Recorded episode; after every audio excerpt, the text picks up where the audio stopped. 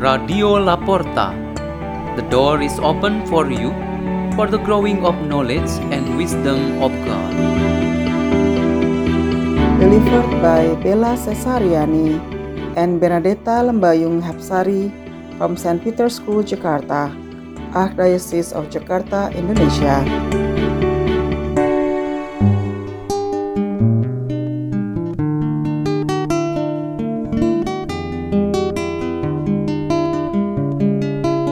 Reading and meditation on the Word of God on Thursday of the 16th week in Ordinary Time, 27 July 2023.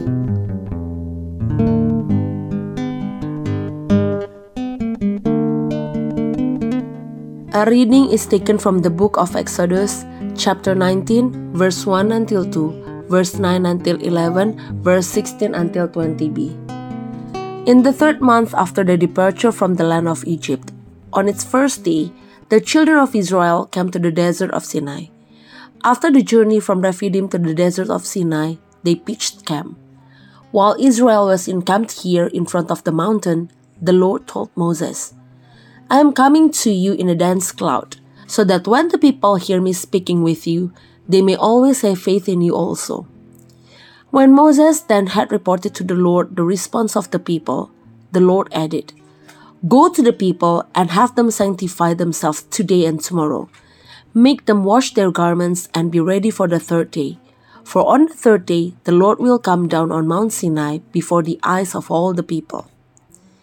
On the morning of the third day, there were peals of thunder and lightning, and a heavy cloud over the mountain, and a very loud trumpet blast, so that all the people in the camp trembled. But Moses led the people out of the camp to meet God, and they stationed themselves at the foot of the mountain. Mount Sinai was all wrapped in smoke, for the Lord came down upon it in fire. The smoke rose from it as though from a furnace, and the whole mountain trembled violently. The trumpet blast grew louder and louder while Moses was speaking, and God answering him with thunder. When the Lord came down to the top of Mount Sinai, he summoned Moses to the top of the mountain. The word of the Lord.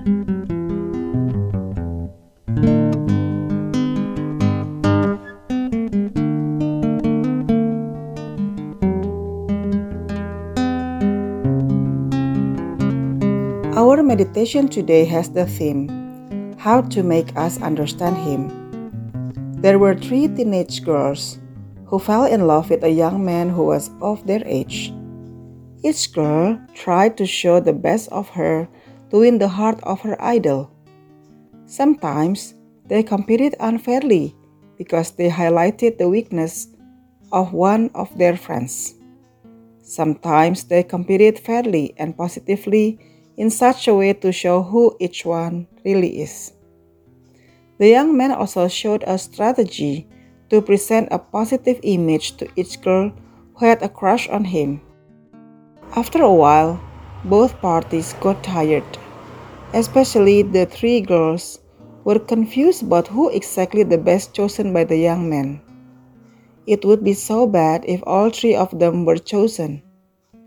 They discussed together on this matter, and one major thing they agreed on was that this young man had a way of making those three girls understand him. This is an illustration of the usual expression of falling in love among the youth. A person's self expression certainly has a uniqueness so that other people can get the impression. A guitar player appears to be so talented, then those with a sense of art will have a fondness for him. A person's self expression aims to make others understand about him. If this is an act of a cultured and civilized human being, there must be something more special about God, who has indeed revealed himself to humans beforehand. It weighs more than cultured and civilized life, for God incarnates.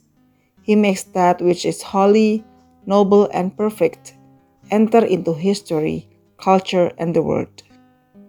God reveals himself to sanctify the world and all of us.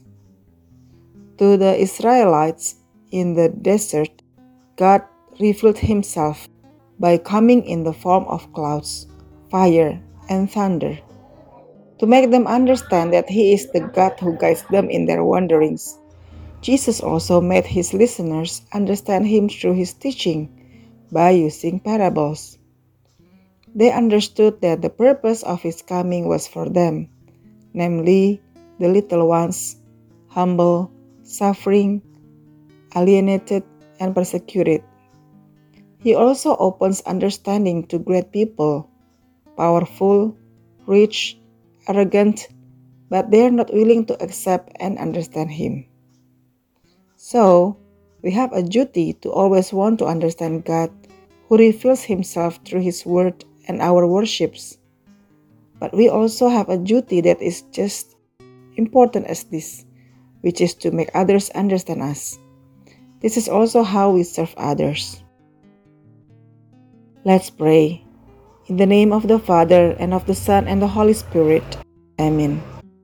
O Lord Jesus Christ, help us to always be able to understand your presence in your words and deeds, so that through that understanding we can act in the goodness and truth that comes from you.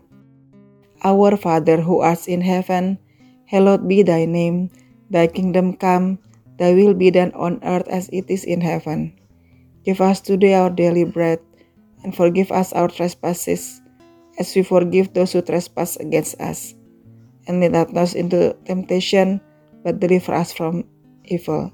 Amen. In the name of the Father, and the Son, and the Holy Spirit. Amen. Radio La Porta. The door is open for you.